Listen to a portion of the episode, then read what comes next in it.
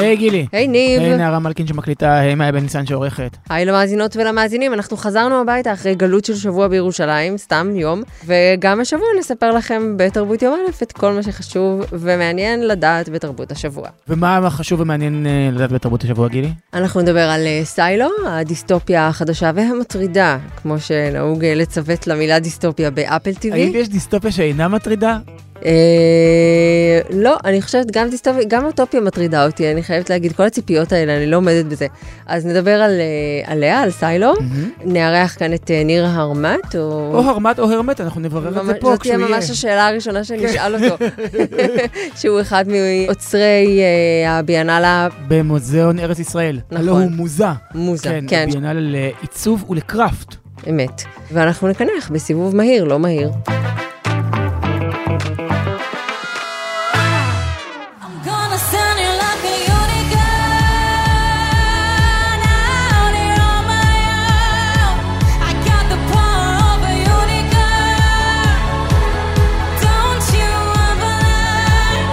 אז הכי צפוי כמובן שנדבר קצת על האירוויזיון ועל מה שקרה שם.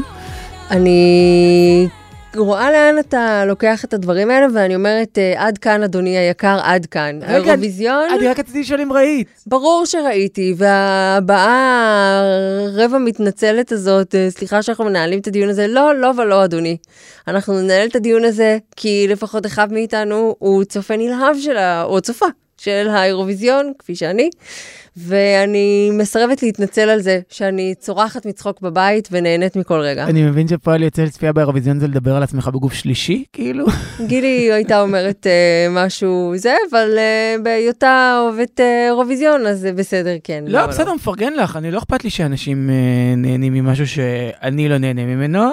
תראי, אם אני מנטרל את הטעם המוזיקלי שלי ואת המחשבות שכאילו הגענו עם כיפת ברזל להרוג יתוש, זאת אומרת, נועה קירל היא לא האדם הנכון לכזה אירוע, היא qualified. מהמם.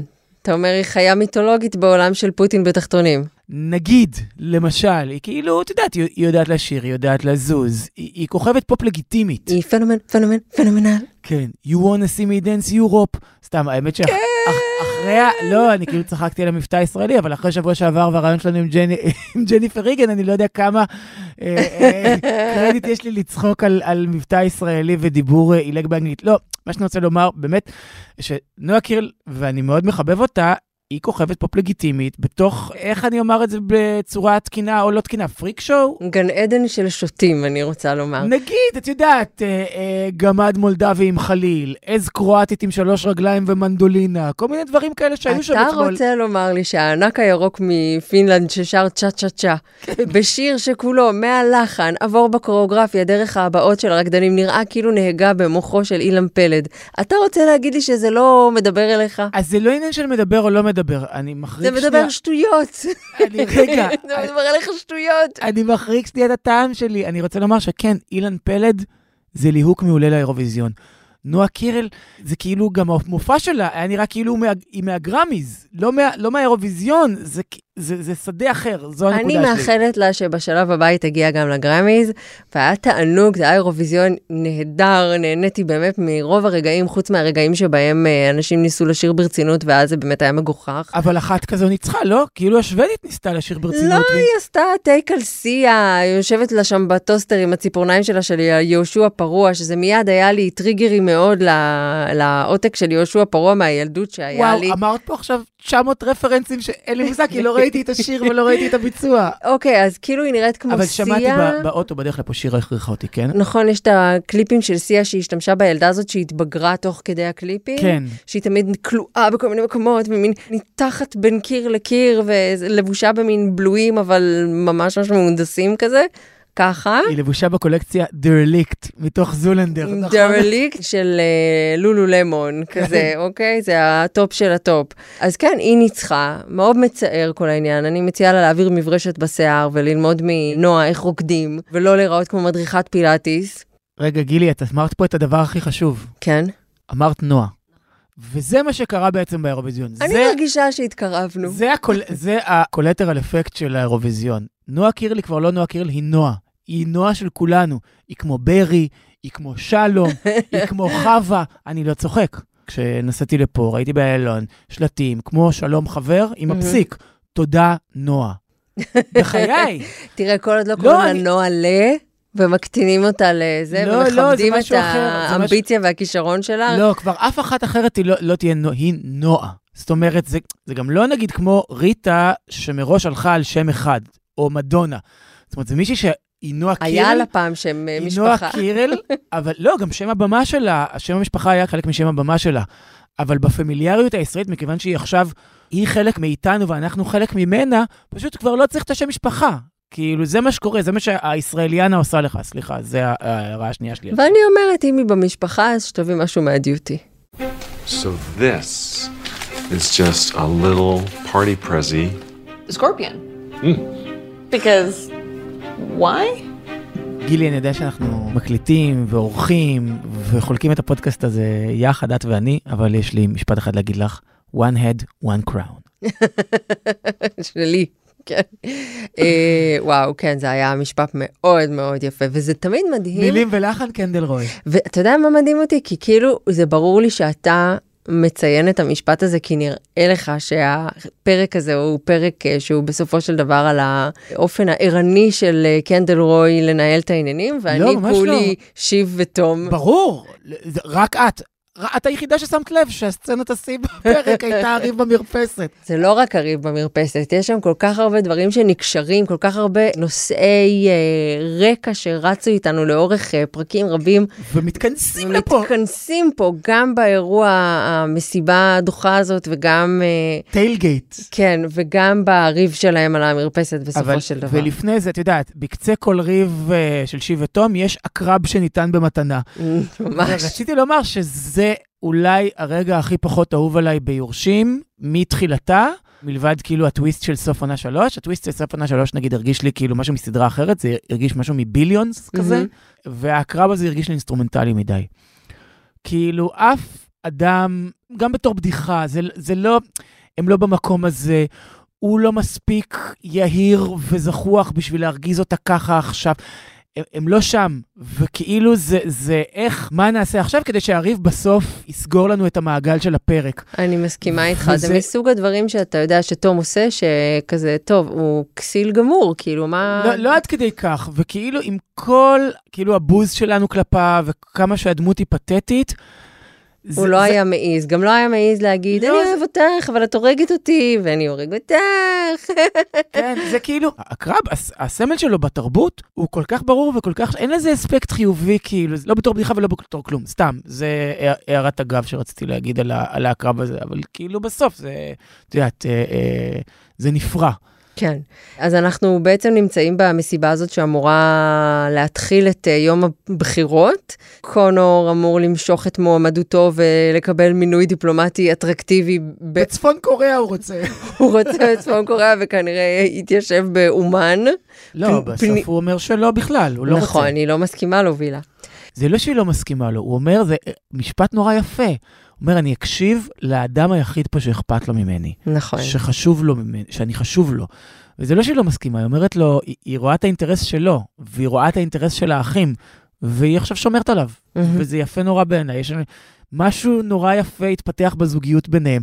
מי שזה היה נראה הזוגיות הכי נצלנית כזו, כן. של תן וכך, או... זה נהיה באמת יפה, זה כן. נהיה אכפת להם אה, זה מזו. רומן צריך אה, לשאת באחריות להתקף, אה, מה זה היה שם, זעם של הפרק הקודם, שגרם לו לפטר חצי עולם, במיוחד את ג'רי. כן. האישה שמחזיקה בקולקציית אה, דיק פיק שלו, שהוא שלח לה לאורך השנים. אה, וגם היחידה שהפגינה כלפיו איזשהו רוך, איזושהי נכונות לחנוך אותו. ממש כך. הוא צריך להתמודד עכשיו עם... אה, כי די, נשבר לה.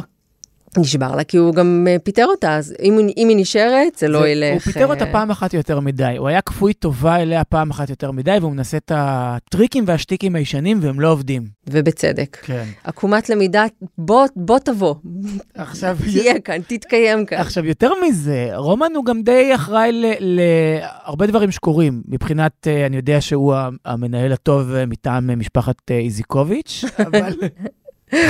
אבל נגיד, כל... אתה אומר את זה, ואני חושבת על העסק המשפחתי שלנו, שהוא קיוסק כושל. ואומנם אבא שלי מצטיין בדמיון אה, מדהים ממש ללוגן רוי, כמו שהוכחתי לך ב- וואו. בתמונות. וואו, מנדי רוי. מנדי רוי, תמונות יפות של שושי ולוגן רוי, שלחתי לך. אבל אצלנו, כן, העסק המשפחתי הוא העסק שאותו אתה מעוניין שלא לירוש לעולם, לרשת לעולם. זה- זה- אצלכם זה הפוך. הפוך, קחו, שמישהו אחר ייקח את זה, אין לי עניין. אז המנהל הטוב הזה, שאחראי לאסטרטגיה המאוד מאוד ימנית של ATN, שלוקחת את זה, זה כבר כאילו מפוקס ניוז קצת עובר ל-OAN, נכון? זה כן, הרשתות ההזויות האלה, שהדבר הבא זה שהם אה, יצולמו ממקלטים של, אה, כזה בונקרים של אה, אמריקאים שאוגרים נשק. של דומרים. אז הוא אחראי לקו הזה ולתמיכה שלהם במנקן, שהוא המועמד שמגלם אנדי מווידס, מהמם. ונראה שזה לא הולך כל כך אה, להשתלם להם. אני לא יודע מה יהיה בפרק הבא, כן? כאילו הם צריכים את הפרישה של, של קונור כדי להבטיח ניצחון. נכון. מה שבינתיים לא קורה. אבל זה כבר התעסקות בהשלכות של ההשלכות של ההשלכות של העלילה. אני חושב שהעלילה היא אולי הדבר הכי פחות מעניין בסדרה. כן. תראה, ליורשים ברגעים הפחות טובים שלה, יש אה, פרקים שלמים שיש בהם התרחשות ולא קורה בהם כלום, ואז אתה נורא נורא מתוסכל, אבל יש לה גם את היכולת להפוך התרחשות, מסיבה, לכמה וכמה רגעים שאתה כזה... אה, נדרך ו- אז אני לא ונצרב מתוסכל כולך. מזה, אני לא מתוסכל מזה, אני דווקא זה הקטעים שאני מחכה, כי אם את מגוללת נגיד את, ה, את העלילה בכרוניקה מההתחלה, מה קרה? אז פרק אחד, הבורד מצביע בעד, הבורד מצביע נגד. הבורד מצביע בעד, הבורד מצביע נגד. מה נעשה כדי שהבורד יצביע בעד בפעם הבאה? הופ, עשינו את זה. הופ, מכרנו מ... הכל נורא, כאילו העלילה עצמה, כשאת מסתכלת עליה בתור מאיפה היא באה ולאן היא הולכת, יש בה משהו נורא פשוט ואף פשטני ואף סתמי.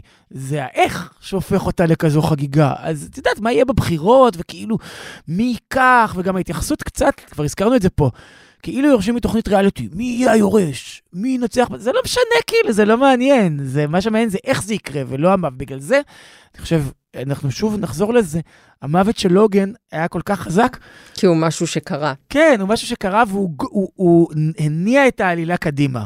אבל כן, אבל אני כן עושה פה מלא תנועות עם מלא הידיים. תנועות עם הידיים, הן מאוד מאוד מבהירות לי מה כוונתך, אבל כן צריך להגיד שדברים קורים בכל זאת בפרק הזה. אחד, כן. אנחנו מגלים שמטיסון וגוג'ו הם פחות אה, מסעירים ומבטיחים ממה שהם אה, באמת, ושיב כנראה הולכת אה, להתרסק וליפול על האף. או שלא, או שכאילו, שוב, אלה עסקי אוויר ואתה יכול לנפח מספרים פה ולהוריד מספרים שם ובסוף זה יסתדר. אבל בסך הכל מה שיוצא מזה כרגע זה איזושהי הזדמנות בשביל קנדל אה, ל- ל- לתכך את אה, תככה ואולי לעלות מתוך האשפתות ולהיות גדול יותר מאבא שלו, שזה באמת בש- בשורה התחתונה מה שמעניין אותו. וכמובן, ההתפתחות הגדולה מכולן זה הריב הענק של שיב אה, ושל תום, אה, שהתחיל, אני חושבת, סימניו היו עוד כשהם קנו את היקב המסריח הזה ביחד.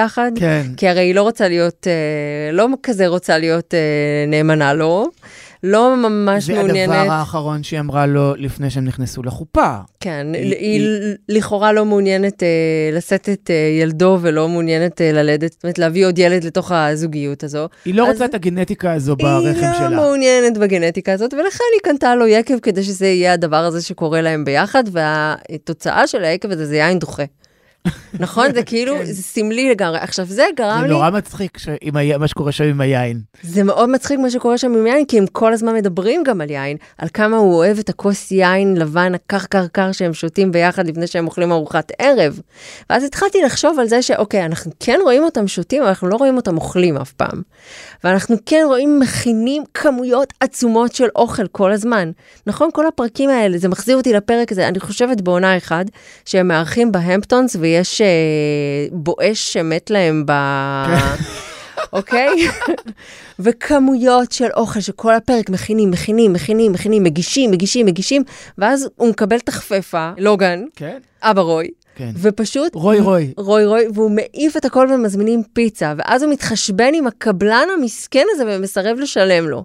אז האוכל הוא איזשהו סממן לאיזו שקיעה מוסרית, וגם כאן, אתה יודע, השתייה, השביעה, האלכוהול, שהם כל כך הרבה השקיעו בו והוא דוחה, ה- מי יקבל אה, לשתות את היין? אתה זוכר שהוא הכריח את נייט בחתונה כן. להחזיר את היין לכוס. יש שם עניין מאוד מאוד אובססיבי עם אכילה ושתייה, או עם אי אכילה ואי שתייה, אכילה היא כאילו דבר וולגרי, אתה זהו, מגיש את זה לאחרים. אכילה זה חוסר class, ראינו את זה בבופה, כן. ב- ב- ב retreat היא בנורבגיה. דבר כן. וולגרי, אתה לא מראה תשאיר- לאנשים אחרים שאתה... תשאיר לנו גם משהו, הם אומרים לו. כן. שגם הזכרנו את זה שבוע שעבר. זה, זה באמת, זה, זה, אכילה היא כמו תיק גדול, היא משהו של פשוטים. כן. אתה לא, אסור שיראו אותך. לעומת זאת שבשתייה והיקב, את יודעת, זה כל הזמן עם איזה מין אלגוריה ליחסים של תום ושיב, הוא שופך את, הוא מכריח את נייט לשפוך בחזרה את היין, כי נייט הוא מי שבעיניו מסמל את הפריצות של שיב. הוא מי ככה. ששתה את היין, ניב. הוא כן. מי ששתה לו את היין. אבל גילי, אני לא רוצה לדבר על תום ושיב. אגב, אני יכול להגיד בסוגריים שזו סצנת טוני כרמלה הכי טובה מאז טוני כרמלה. וואו, תקשיב, נכון? הם, הם עומדים שם במר, במ- במרפסת והם רבים את הריב הכי נוראי, שאין בו אף מילה אחת, אחד, שהיא שקר, שתיים, שהיא מוגזמת. כן. הכל נכון ומדויק, הם לא מגזימים. אפילו אתה אומר לעצמך, זה, זה כאילו, אתה רוצה שיהיה להם ריב שמביא אותם למקומות uh, שיבנו אותם, אבל...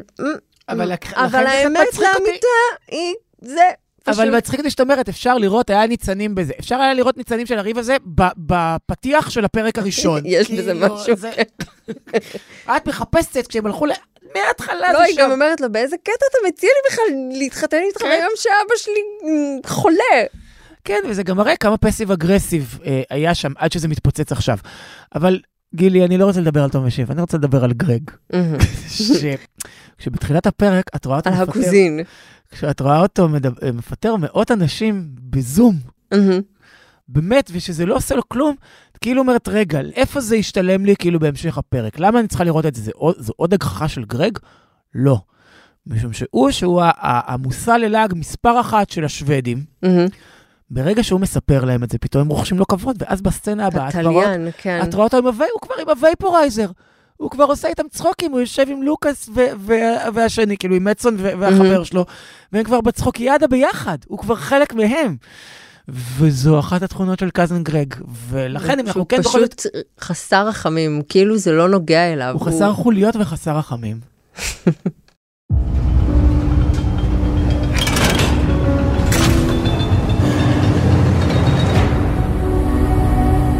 We do not know why we are here. We do not know who built the silo. And why we are underground. We only know the world outside our sanctuary is death. If you boil the pact down to one rule, it's do not say you want to go outside. Or you will go outside. בחודשים האחרונים, גילי, אני עושה באמזון ריוואץ', אבל ריוואץ' בינג'י כזה, שלושה ארבעה פרקים כל לילה, של הסדרה Justified, צדק פרטי, שכתב, הריץ, היה שואורנר של הגרם יוסט, שהוא מי שכתב את התסריט של ספיד. אה, כן. סרט עם תסריט די מדובר. כן, כן, היה, הזכירו את שמו פה כן. ושם. וגם הסדרה הזאת, צדק פרטי, אה, הייתה סדרה מאוד מדוברת. הוא לקח את אה, סיפור קצר של אלמר ליאונרד, האומן הפלפ והנואר, מהמם. בשם Fire in the Hall, והרחיב אותו לכדי סדרה שלמה, אה, בשם Justified, זה מספר על אה, מרשל, שהוא גם קאובוי, מאוד מאוד קשוח בקנטקי, והמרדף שלו אחרי אה, אה, הצדק, כן? מהמם. אבל הוא עושה צדק אה, בדרך שלו. פרטי, כן, כי הוא, הוא לא... ללא קבלה. הוא wild card, הוא loose cannon, הוא רק מחכה שאת תשלפי כדי שהוא יוכל לשלוף עלייך, כי הוא השולף המהיר במערב, או אני לא אשלוף במזרח, לעולם, לא- אתה לא מכיר אותי. או בחגורת התנ"ך. בקיצור, אז הסדרה הזו היא סדרה מעולה, ומלא שנים אני מחכה שגרם יוסט יעשה עוד משהו, ואז הוא הצטרף לצוות של האמריקאים, דיברנו על זה שבוע שעבר, ועזר להרים את האמריקאים אה, רמה. אה, למרות שהיה מישהו שכתב לי השבוע, אה, מאזין, שאמר, איך אתם אוהבים את האמריקאים? מה? כן, שיחה נפרדת. אנחנו נדון בזה, מאזין יקר. כן, ועכשיו אה, אה, אותו גרם יוסט אה, צץ באפל עם אפל פלוס, עם סדרה חדשה שאותי לפחות היא מאוד מסקרנת, סדרה שהיא לא ברור בהתחלה אם היא מספרת על דיסטופיה או אוטופיה, ברור שעל דיסטופיה שנקראת סיילו, סילו, איך, איך מעברתים את זה? ממגורה, חבר, ממגורה. מה? ממגורה, מגדל הסד- תחמוצת. אוקיי, הסדרה ממגורה על מגדל תחמוצת. נשמע מפתה, עד עכשיו אני 100% בפנים. אני- רק רוצה לומר שלו היית עוקבת שבוע אחרי שבוע אחרי ברי. אז היית רואה שגם שם הייתה סצנה מכריעה בממגורה. באמת? כן. לא, אני לא עוקבת, אני אעשה. בינג' בסוף. וואי, דבר. באמת, איזה דבר. אבל בוא נחזור למגדל התחמוצת. כן. אנחנו 140 שנה לתוך העתיד, לפחות, והאנושות כולה מונה עשרת אלפים איש בלבד. והעשרת אלפים איש האלה מתגוררים בממגורה, כן. שקצת כמו ברכבת הקרח, אה, הסדרה שאני בהתחלה אהבתי ואת ממש שנאת, שעל פי סרט ששנינו אה, דווקא די אהבנו, נכון? כן. של אה, בונג ג'ון הו, אז כל קומה היא מעמד אחר, או כל uh, מצבור כזה של קומות בממגורה. מהמם. מתגורר בו מעמד אחר ופועל בו. ואת יודעת, כרגיל, יש איזשהו אירוע מחולל אה, שגורם ל- לאנשים שחיים בממגורה, אני לא יכול להפסיק להגיד את המילה הזו, שובי שובי ממגורה. כן, סובי אה, סובי. לתהות על אה, אה, אה, קנקנם. כשהעניין פה, אני חושב, הוא לא כל כך מה יהיה, אלא למה אנחנו פה, ומה קורה בחוץ, ואיך נגלה את זה. זאת אומרת, זה על הסקרנות האנושית להבין האם עובדים עליה או לא, כי זה לא שהם חיים באיזה משטר טוטליטרי קיצוני. כאילו כן, אבל אולי לא.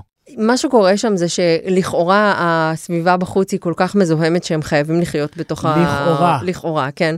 הם חייבים לחיות בתוך המגדל הזה, בתוך ה silo הזה. מי שיוצא, מותר לצאת, כן? זה לא, אף אחד לא מוחזק שם בכוח, אבל אם אתה יוצא, אתה למעשה גוזר על עצמך אה, גזר דין מוות בטוח. אה, את זה הם רואים כשיש אחת לכמה זמן מישהו שרוצה לצאת החוצה, ודרך החלונות של אותו סיילו הם רואים אותו מת כמעט מיד. וזה מה שקורה לגיבורת הפרק הראשון. כן. אני הולכת פה בין הטיפות. לא, ולגיבור הפרק השני, כי אני חושב שזה חלק מהעניין, שבשני הפרקים הראשונים, אנחנו בעצם מחליפים שלושה גיבורים.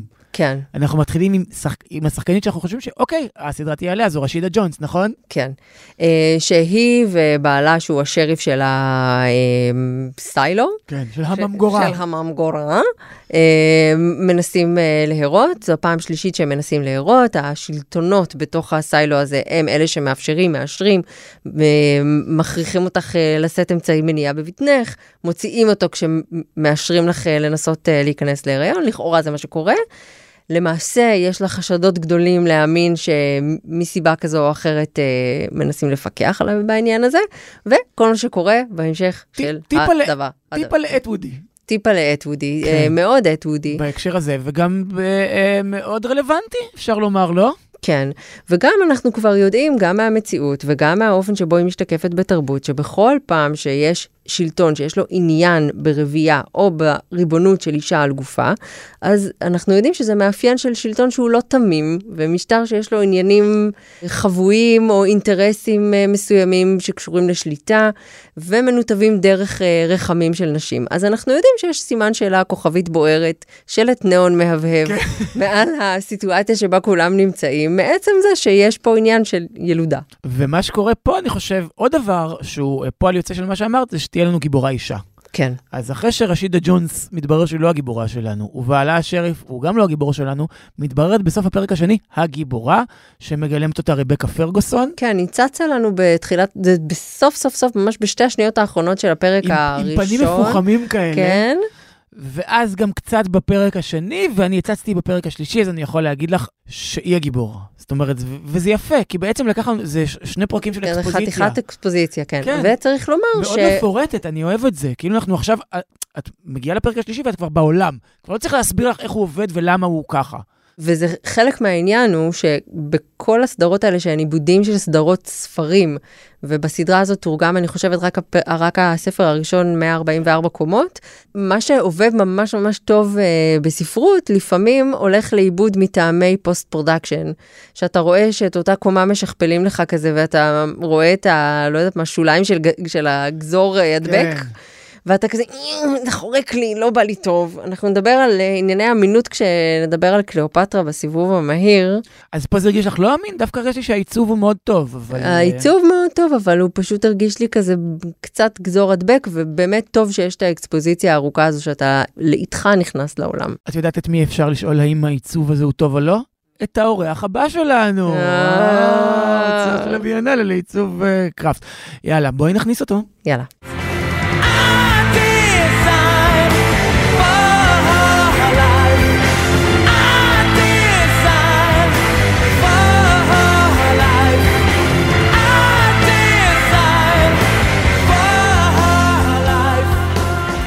וכמובטח נמצא איתנו כאן האוצר, אחד מארבעת האוצרים, נכון? נכון. של הביאנלה לעיצוב ו craft, אמרתי את זה נכון? במוזיאון ארץ ישראל. לאומנויות ועיצוב, 23, במוזה מוזיאון ארץ ישראל. יש לך קול רדיופוני להפליא. רגע, גילי. בואי נגיד איך קוראים לה ונברר גם את שם המשפחה. ניר הרמט, גילי אמרה? היא צדקה? צדקה לגמרי. yes, כי איזיקוביץ', אני... It מיוט- takes one to know one. Yeah, גם כנראה. הד- גם הדס, זה נורא קשה לאנשים. קשה מאוד, קשה מאוד ל- להבין. בעיקר כשמתקשרים אליי ואז אומרים, "אה, שלום הדס, אנחנו רוצים להציע לך, אה, זה נורא כיף. אז מתי נפתחה ומתי מסתיימת הביאנלה? נפתחה ביאנלה לפני מעט יותר מחודש, והיא אמורה להימשך עד סוף נובמבר. היא תערוכה ארוכה מאוד לאור אה, ההשקעה המרובה, עבדנו עליה כמעט שנתיים. וואו. ולאור, ולאור הגודש שלה, שזה משהו שתפס את uh, תשומת ליבי ואת עיניי, גודש שהוא גם תמטי, והוא גם חומרי, והוא גם אה, סגנוני, והוא גם בכלל, אה, אה, איך אני אגיד את זה, אה, בשדה האומנותי, זאת אומרת, יש פה גם עיצוב וגם אומנות, וגם... יש שם וגם של 250. כמות מציגים. כן, בדיוק, ו- 250 וממש- מציגים זה המון. 250 אומנים ישראלים ועוד 19 אומנים בינלאומיים שהגיעו עם אוצר, עם star curator, דוקטור קווין מורי שהגיע אלינו מאוסטרליה. אז רגע, תכף נגיע לזה, אבל אני רוצה לשאול אם הגודש הוא אמירה גם. זאת אומרת, אם העניין הזה הוא גם חלק ממה שאתה אתה רוצה לומר, ואתם במוזיאון רוצים לומר. בוודאי. חלק מהעניין בביאנלה מהסוג הזה, זה לתת איזושהי תמונת מצב על מה קורה בתחומי האומנויות והקראפט השונים בזמן אמת, והיא משקפת גם את תחומי העשייה הקראפטים האומנותיים, ובסאבטקסט היא נותנת תמונת מצב חברתית, פוליטית, תרבותית, על מה שקורה מאז שנסגרה הביאנלה הקודמת. ואיך מתחילים אבל? אני, יש לכם כותרת, שהיא הפעם מאוד מאוד בומבסטית. היא נכון. גם בומבסטית וגם פתוחה להמון רגע, המון פרשנויות, היא, כאילו אה, מצב האדם, נכון? כן. מהי מידת האדם? מהי מידת האדם, סליחה. וזו שאלת מחקר שהיא נגזרת של אמירה של פרוטגורס, שהוא פילוסוף יווני בן המאה החמישית לפני הספירה, ששואל או קובע שהאדם הוא מידת כל הדברים. ומתוך הקביעה הזו, אנחנו ניסחנו את שאלת המחקר, שלושה עוצרים ישראלים, כאשר כל אחד מאיתנו מתייחס או מפענח או נותן תשובה אחרת לשאלת המחקר הזו. והחלוקה האוצרותית היא חלוקה טריטוריאלית. אני יצרתי את אולם רוטשילד, שהוא הוא ה- אולם הכי גדול והכי גדוש, אם אפשר כן. לומר. 104 מציגים. הנריאטה אליעזר ברונר, שהיא אוצרת של המוזיאון, בדרך כלל היא האוצרת של אה, ביתן הזכוכית של המוזיאון, היא חיה מאוד את ה-DNA והאוספים של המוזיאון. אה, עצרה את הדיאלוגים וההתערבויות של אה, האומנות העכשווית בתוך ביתני הקבע של הביאנלה. היא נכנסה לתוך ויטרינות, והיא מתייחסת בכל מיני אופנים, היא, היא, אה, היא מנערת את האבק מעל האוספים של המוזיאון, ומאירה אותם, או משתקפת בהם, או מציעה אליהם מראה מעוותת. מתנהגת בכל מיני אופנים. ותומר ספיר, שהוא אומן ומעצב ועוצר, ובכובע של עוצר בביאנלה הזו, עצר את מיצבי החוץ ואת החממות האקדמיות, שאם תרצו ניגע גם בהם. אז מהי מידת האדם? מה משתקף מכל זה? אז אה, אני... ברור שלא תשובה אה, חד-ממדית או ברורה, אבל, אבל כמה דברים בולטים שעולים. אז ההבנה שלי של מהי מידת האדם היא זה שמוסר הוא עניין יחסי ונקודת מבט היא עניין יחסי. והביאנלה בנויה, יש לה אה, מבנה אוצרותי, אבל הוא מתפרק מלמטה דרך, ברוטשילד, דרך 104 אומנים, שעונים למבנה הזה, אבל מפרקים אותו מלמטה, כי זה 104 נקודות מבט שונות. אז בעצם השאלה הזו היא כותרת שמכילה כמעט הכל? לא בדיוק. המבנה של התערוכה, אנחנו נכנסים לתערוכה דרך פרק שמתעסק בשפה ועלילה, וזה הפרק היחיד שאליו אנחנו חייבים להיכנס. כי אחר כך אנחנו יכולים לעבור בין הפרקים באופן לא ליניארי, ובעצם כמו בעריכה ספרותית, לספר לעצמנו את הסיפור כפי שאנחנו רוצים לטוות אותו. אבל אנחנו נכנסים לשפה ועלילה כדי להציע מחקר לינגוויסטי על, על היחס בין מסמן למסומן, איך המסמן הוא קבוע והמסומן זז מעליו, העלילה משתנה והשפה נשארת קבועה. או הקריאה של השפה משתנה בהתאם לנקודת המבט שמסתכלת. אתה מבין שעבור רוב האנשים שהם לא צרכני אומנות פלסטית, הדברים שאמרת כרגע מקבילים כמעט לצופר ערפל. תנסה איכשהו, לא- אם אפשר, להוריד את זה אה, ו- ולספר לי מה אמור לעבור מ- מבקרת או מבקר ב- ב- ביאנלה מ- מ- בתסריט הטוב שלך. אז בסוף זה גם מאוד מאוד פשוט, כי את נכנסת ואת רואה עבודות שהן ברובן מאוד תקשורתיות ומאוד יפות, ואת יכולה לקרוא אותן בהמון רמות. אפשר להישבות באיך שהן אה, נראות, ו... וכל אחת מהן מספרת סיפור קטן. אני מספר את התמונה הגדולה. אני אתן דוגמה. כשנכנסים ל- לפרק שמתעסק בעלילה, שזה הפרק הראשון, יש עבודת וידאו גדולה של מישל פלטניק, שנקראת בראשית. מישל עצמו, כאיזה סוג של פורטרט עצמי, בתור האדם היוצר או האל הבורא, מתחיל בחדר ריק לגמרי בעבודת הוידאו הזו, ולאט לאט לפי שבעת ימי הבריאה של ספר בראשית, טווה סביבו עולם, מצייר עולם על הקירות, ממש עם מכחול וצבעים. בהתחלה הוא מפריד את המים מהשמיים, הוא בורא את המאורות, את הצמחייה, את בעלי החיים, את העזר כנגדו כהשתקפות שלו עצמו. אנחנו יכולים לעקוב, כמו שאנחנו מכירים, את סיפור בריאת העולם, ובסוף, ל- לקראת סוף העבודה, הוא אוסף מהקירות את כל מה שהוא צייר, מערים אותם במרכז החדר, ומדליק אותם, הופך אותם למדורה, והוא מכלה את העולם שהוא ברא בעצמו. אז זו, זו דוגמה. ואיפה שהעבודה... כן. ואיפה שהעבודה הזו מסתיימת, מתחילה עבודת ענק של מורן קליגר, שמתארת את הגירוש מגן עדן, של שני קופי אדם, שזה הטבע הפראי החייתי שלנו. אה, שני קופי אדם ענקיים ב- בפוזיציית הגירוש מגן עדן, אנחנו יכולים לזהות שזה אדם וחווה, בגובה של שלושה מטר. וואו. אז הנה, שתי אלוזיות מקראיות, נכון? וזו שאלה שמסקרנת אותי. 104 אומנים, וכל אחד בטח הוא, הוא פתית שלג בפני עצמו ולוקח את הרעיון הזה למקום שלו. אבל אין איזה ציידגייסט שאתה רואה כמה עבודות שמדברות ביחד, שמתכתבות זו עם זו, נגיד כמו הדוגמה שנתת עכשיו. זה בדיוק זה, העבודות, כל עבודה משאירה איזה זנב לעבודה שבאה אחריה.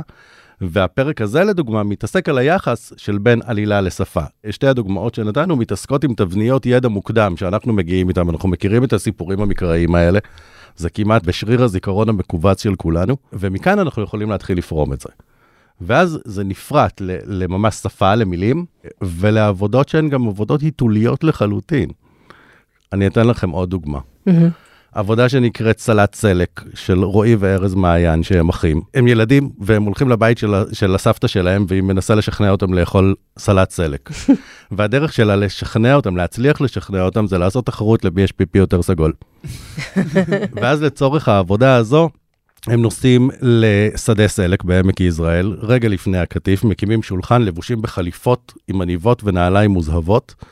כל חצי שעה אוכלים קערית של סלט סלק שמגיע מהבית של הסבתא ושותים כוס של מיץ סלק. וכל שעה הולכים לצד ועושים ומשתינים לתוך צנצנת. מתחת לעבודת הוידאו יש מדף עם בדיקות השתן האלה, 13 לכל אחד, כי יש לנו את שעת האפס ואז כל שעה במשך 12 שעות. כשהם חוזרים, הם הולכים למעבדה באוניברסיטת תל אביב, ובשני הצדדים של הוידאו יש גרף ש- שמראה את התקדמות צביעת השתן.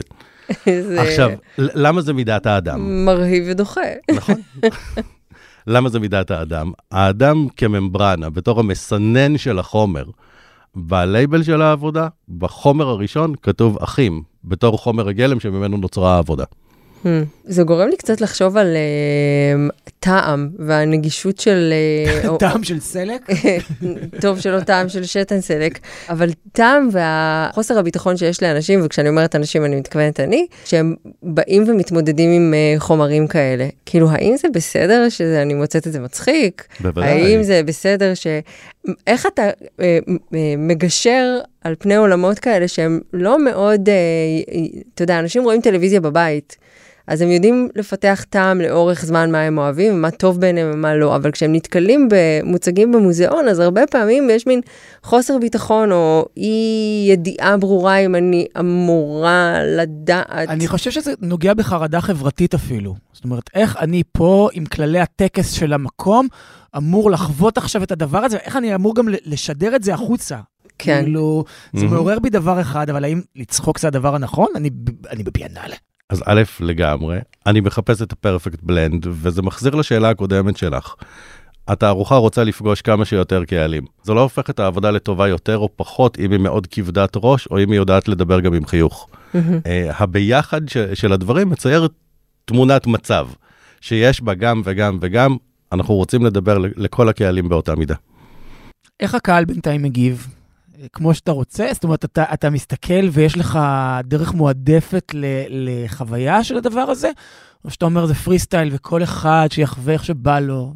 גם וגם, אני אוהב את התגובות של הקהל, בייחוד כשהן לא צפויות. נגיד, יש עבודות שמרגיזות את הקהל פוליטית, נגיד עבודה שבה אה, יש דימוי של בנימין נתניהו?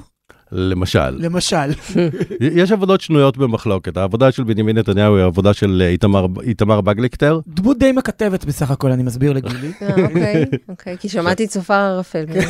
אפשר לומר בעדינות. דמות המנהיג, כמו שכתבתי בלייבל, עשויה מאבק ומונחת על כרך סגור של האנציקלופדיה העברית. זה אדיר. הפרופיל של. בנימין נתניהו, כאשר בצד יש עבודת וידאו על מסך קטן שמראה שלוש דרכים שאפשר לנקות בהם את האבק. אז כפי שאתם מדמיינים, זה, זה מעורר כל מיני תגובות. והלייבל, או כשאני מסביר את העבודה, אני לא נוקט עמדה, אני מדבר על דמות מנהיג. ו- ואפשר להתייחס אליה בכל מיני אופנים. אני רוצה להגיד לכם משהו על השכבות הפוליטיות של התערוכה. אוקיי. כשנכנסים לתערוכה, לפני שעולים לאולם למעלה, פוגשים בעבודה של סאהר מיארי. סאהר הוא אומן פלסטיני מהגליל המערבי, ועל קיר אדום בוהק כתוב באותיות ערביות בפונט מוזהב, ציטוט מספר נחמיה על אה, בוני הארץ. באחת עושה ידו במלאכה. וזה מעלה שאלות על בוני הארץ, וזה חלק מהסיפור שהביאנלה מספרת על שכבות הקרקע שהמוזיאון יושב עליה. אולם רוטשילד, שזה האולם בו העבודה מוצגת, יושב על מרכז הכפר שייח' מוניס. העבודה הזו היא דיפתיך. החלק השני של, של הדיפתיך הזה, זה עבודת וידאו של קבוצה של פלסטינים שבונים מקלט ביישוב יהודי. וזה מעלה את השאלה על מי הם בוני הארץ, ובאיזה אופן, ואיך הבטון בתור החומר לביאנלה של חומר מספר את הסיפור של המקום הזה. אחר כך אנחנו גם עולים למעלה ופוגשים עוד ייצוגים של בטון, שיביאו גם את הנרטיב הציוני, את הנלבישך שלמת בטון ומלט. אבל היסודות בקומת הקרקע לפני האולם, זה, היסוד, זה היסודות של הבניין, על מי בנה את זה על, מאחורי הבניין יש את אה, תל קסילה, שהוא תל פלישתי, במרחק כמה מאות שנים זה שייח' מוניס ואז רמת אביב. העבודה מספרת את עצמה או את שכבות הקרקע. אני חושב שזה חלק מהאחריות האוצרותית לדבר את השכבות של הקרקע ולזכור, בייחוד כשאנחנו בבניין שנקרא על שם הברון דה רוטשילד, גואל אדמות הארץ, לדבר את המקום הזה גם. אם כבר אנחנו מדברים קצת פוליטיקה, יש אוצרות מחו"ל, היה עניין עם אה, אומנים מחו"ל, אומרת איזשהו משא ומתן, יש מי ש... אה, עכשיו, ממש שבוע שעבר גילי ואני היינו בפסטיבל הסופרים בירושלים, וסיפרה לנו אה, אה, ג'וליה פרמנטו שעצרה את הפסטיבל שם, עצרה וערכה, על הקשיים להביא אה, אה, סופרים בינלאומיים וסופרים בעלי שם לישראל עכשיו. זה משהו שנתקלת בו? מי שעבד מול האומנים הבינלאומיים זה דוקטור קווין מורי, שהוא עוצר מאוסטרליה, שעוצר בדרך כלל אה, אומנות במדינות מתפתחות, והוא מראה את היחס בין, אה, מס, בין אה, המסורת האומנותית והמסורת גם התרבותית והחברתית לבין הביטויים העכשוויים שלה. הוא הביא את 19 האומנים, על פי רוב הם, הם באמת ממדינות מתפתחות, הם, הם מסין, הם מאוסטרליה, ממדינות דרום אמריקה, זה לא עלה מולנו. יכול להיות שזה עלה בדיאלוג מולו. אנחנו בעבודה מול האוצר קיבלנו ממנו את רשימת 19 העבודות שמשתתפות בתערוכה. אני רוצה שוב לחזור ל- לעניין הגודש, כי זה משהו שכשישראלים מטיילים בחו"ל ומגיעים פתאום ל... אה, אני יודע, אני הייתי בתערוכת אימה, The Horror Show, בסמרסט האוס, והגודש שם, וראיתי, ומאחוריי היו, אה, אה, הייתה משפחה ישראלית, והם כל הזמן אמרו, תראו כמה דברים, תראו כמה זה עמוס, תראו כמה זה יפה, תראו איך אפשר, למה בישראל במוזיאונים זה לא ככה? וכאילו, יש איזו תחושה שהפעם זה אולי כן קצת ככה, זאת אומרת, זה, זה היה מכוון כי, כי זה משהו שבחו"ל אנחנו יותר נתקלים בו, כי זה, זה אה, יודע, אה, טרנד חדש יחסית, הדבר הזה. אז קודם כל, הרבה פעמים כך ביאנלות מתנהגות. זו, זו קודם כל אה, תערוכה שאי אפשר לראות בפעם אחת. כדאי לבוא אליה לפחות פעמיים, כדי להצליח לראות אותה כמו שצריך. אני חושב שגם פעמיים לא בטוח יספיקו, אבל שוב, אפשר אה, לצפות בה בכל מיני רמות. אפשר ליהנות מ- מ- מהחוויה, או אפשר לצלול אל העומקים. הגודש הזה נותן את תמונת המצב. נותן 250 קולות תחת מהי מידת האדם. כל אחת מהעבודות עונה על השאלה הזו באופן שלה. ניר ארמת, תודה רבה שבאת אלינו. תודה לכם. היה ממש מעניין. תודה. There was a time long ago when women ruled with unparalleled power as warriors, queens, mothers of nations. And there is none among them more iconic than Cleopatra. I would die for Egypt. What would you die for? I am ISIS. אנחנו נצטרף טיפה באיחור לבלגן אה, קליאופטרה, אבל אנחנו בכל זאת נעשה את זה. דברי בשם עצמך, אין לי שום כוונה להצטרף בואו הזה. נרכוב על? השערורייה הזאת. דיברת קודם על צופרי ערפל, זה כן. מבחינתי קיסמים בעיניים. אז אה, נטפליקס ליהקו לסדרה דוקומנטרית, אבל אתה יודע, דוקומנטרי מהדור החדש, כזה שיש גם ראשים מדברים וגם שחזור דרמטי. יואו, אני שונא כאלה. אה, כן. כן, זה באמת שנוא, כאילו, אם אתם רוצים לעשות דרמה, תעשו דרמה. זה זו רמה חדשה של מאוים, אני חושב. בקיצור, על קליאופטרה, ובצורה מאוד מאוד עכשווית הם החליטו, הם בחרו קו אה, אידיאולוגי, מחקרי, היסטורי, שמעצבן מלא אנשים. למשל, הם הכריעו בשאלה מה היה צבעה של קליאופטרה, והפכו אותה להיות אה, שחורה באופן אה, מוחלט, לא סימן שאלה, לא אולי יווניה, אולי אה, חצי חצי מוקה. אוקיי. הכריעו. וגם הליהוק הוא גם של אדל ג'יימס כקליאופטרה, בחלקים הדרמטיים, וגם הליהוק של האנשים שמדברים הוא חתרני באותה המידה, ואפילו למעלה מזה. כי... אבל למה זה מעצבן אנשים?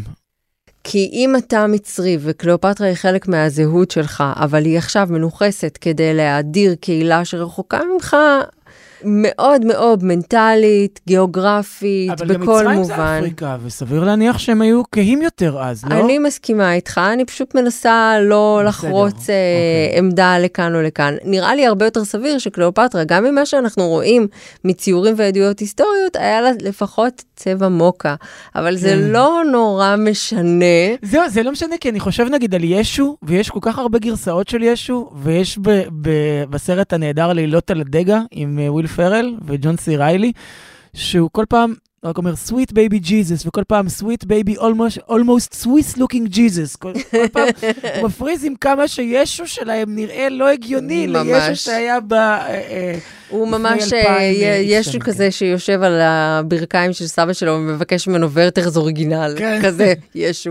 אבל אוקיי. ישו בפרסומת להאגיס, כן. כזה. אבל מה שבעיניי מעניין זה דווקא לא הליהוק השחור של אה, קליאופטרה, אלא הליהוק השחור של כל מי שמדברים שם על קליאופטרה, שחור ונשי בעיקרו. יש שם בעצם היסטוריונית אחת, אגיפטולוגית אחת שהיא לבנה ומאוד מאוד בולטת, ואגיפטולוג אחד זכר. שקוראים לו אסלאם. אבל אנחנו מדברים בינתיים על כל המסביב, על את מי ליהקו, ומי מדבר, ומה הצבע שלהם, ומה העדה שלהם, איך, זה טוב או לא, לראות, לא לראות. רגע, אבל הדבר האחרון, אני מציינת כן. את כל הדברים האלה משום שקליאופטרה מביאה איזושהי גרסה חתרנית של קריאה היסטורית, שהיא קריאה פמיניסטית מאוד ופמיניזם שחור. ומזה נגזרת השאלה אם זה מעניין או לא. בעיניי זה יכול להיות מאוד מאוד מאוד מעניין, אבל... לא בנטפליקס. אבל אמרתי לעצמי, שני החלקים פה של המשוואה הזאת, הראשים המדברים והשחזור הדרמטי, זה פשוט הורס אחד לשני. כי בא לי לראות את הגרסה הזאת של משחקי הכס אה, פוגשת יורשים, וקליאופטרה היא המנהלת אה, של הדבר הזה. אני מעוניינת לראות את האפוס ההיסטורי הזה. ואני מעוניינת אולי לראות גם את המחקר הפמיניזם שחור שקורא את ההיסטוריה של העולם העתיק באופן הזה, אבל הפוליאסטר של הבגדים שלה והבדי פליסה מפריעים לי, כי אני יודעת שזה לא יכול היה להיות. אז בעצם שני החלקים של המשוואה הזאת מחלישים אחד את השני, וככה מסדרה שאתה יכול לראות אותה ולהגיד, וואי, מעניין בטירוף. אתה אומר, וואי, מעניין בטירוף, אבל אם אפשר כאילו להיות קצת יותר נאמנים היסטורית, כן, את רוצה את הנאמנות ההיסטורית? כי לרגע חשבתי שאת רוצה את The Great, את Mhm. קטרינה, רק במצרים. שלטה לעונה כן, חדשה, אה? איך את הקישור? הכנסת את הדבר הזה, כן, עלתה עונה חדשה, אנחנו נדבר עליה בהרחבה בשבוע הבא. אני כבר. התחלתי לרוץ. יש בי, אני רץ עליו. יש את- את המרתון, נכון? מהמם. אני כבר בקילומטר השלישי. תראה, אני חושבת שאני צריכה להעלות את כל הקומות של סיילו בשביל אה, לסיים אה, בינתיים. יש 144, קצת קשה לי. אני רק אגיד לך שבפרק 2, וולטר, הוגי הדעות, ומלך מהמם. שוודיה הולכים מכות וחונקים אחד את השני. זו האווירה שיש ב... זה ב- נשמע לי כמו משהו שאם לא קרה, אז צריך היה לקרות. כן. תמליצי לי גם על ספר, כי לא השתכנעתי בקליאופטרה. אני אמליץ על ספר, אבל זה כאילו מהספרים שאני אומרת לך, אוקיי, תפנה לך איזה פרק זמן, אורך רוח. אפשר לשמוע באוטו? אפשר לשמוע באוטו, מומלץ אפילו, אני, אני בעיקר מאזינה לו. כן, זה אודיו טוב. זה אודיו ממש ממש טוב. לספר קוראים נאמנות, הוא זכה בשבוע שעבר בפוליצר. איזה קטע. הרנן דיאז הוא הסופר, וזה מה מסוג... אני לא פשפשתי עדיין לא, בגנאולוגיה שלו. אני תוהה אם הוא, אם הוא, אה, זאת אומרת, ברור שהוא לטיני, אבל האם הוא היגר, האם הוא... לא משנה. הוא, אני חושבת שהוא יליד אמריקה הלטינית, שהיגר לארצות הברית וכותב באנגלית. לשם חתרתי, גילי. אה, והספר שלו זה מהספרים האלה שאתה מתחיל לקרוא אותם ואתה אומר, אני לא לגמרי מבינה לאן הוא חותר, עד שזה נגלה לך איפשהו באמצע הספר, ואז יש לך מין רגע כזה של גם mind blowing, כזה של וואו, הבנתי מה אתה עושה פה עכשיו באמצעות מילים, הדבר הזה שכולנו משתמשים בו, אבל איכשהו אתה מצליח לארגן אותו בצורה כל כך חכמה כדי להסביר איזה רעיון, מבלי להגיד את הרעיון שאתה מנסה להסביר, זה אחד. שתיים, ושתיים, אתה אומר, אוקיי, זה אדם מאוד מאוד חכם, וצורה מאוד מעניינת לדבר על זהות, על אז זהו, תפיסת על, עולם. על מה הספר? מה הסיפור? בגדול זה סיפורם של אנשים שחיו לאורך תחילת המאה ה-20, דרך השפל הגדול של 29, עשו את הונם הרב, אבל זה לא בדיוק על זה. זה על משפחה, על אה, האופן שבו אדם תופס תמיד את על עצמו. משפחה, גילי. האופן שבו אדם תופס את עצמו, היכולת של בן אדם לקרוא את המציאות כפי שהיא, וזה גם על ספרות ועל כתיבה ועל היכולת של מילים לחשף את המציאות ולשנות אותה. שנסיים עם מוסיקה? בוודאי, בוא. אוק- אוקיי, אז קיו, כמו קיואנון, מהמם. רק לא. כן. זאת קיו עוד קיו, קיו גדולה, אלבום שנקרא Soul, פסיק, Present, וזה בערך מה שהיה קורה עם אה, פרינס וסטיב לייסי וקצת מדונה, ואולי טיפונת פיל קולינס, אה, היו נפגשים ומקליטים תקליט ביחד. מאוד מגניב, מאוד funky, קצת רטרואי, כאילו מאוד מזכיר אה, פרינס מוקדם, מהמם. שזה בעיניי מחמאה אדירה. יופי של טופי אפילו. כן, והאלבום הזה פשוט שיגעון לשמוע אותו, ועם הקיץ והחום הזה שמגיע, זה פסקול מושלם. האמיני לי, והאמינו לי, מאזינות ומאזינים, נאמין. שניפגש פה בשבוע הבא. אה, כן. יופי.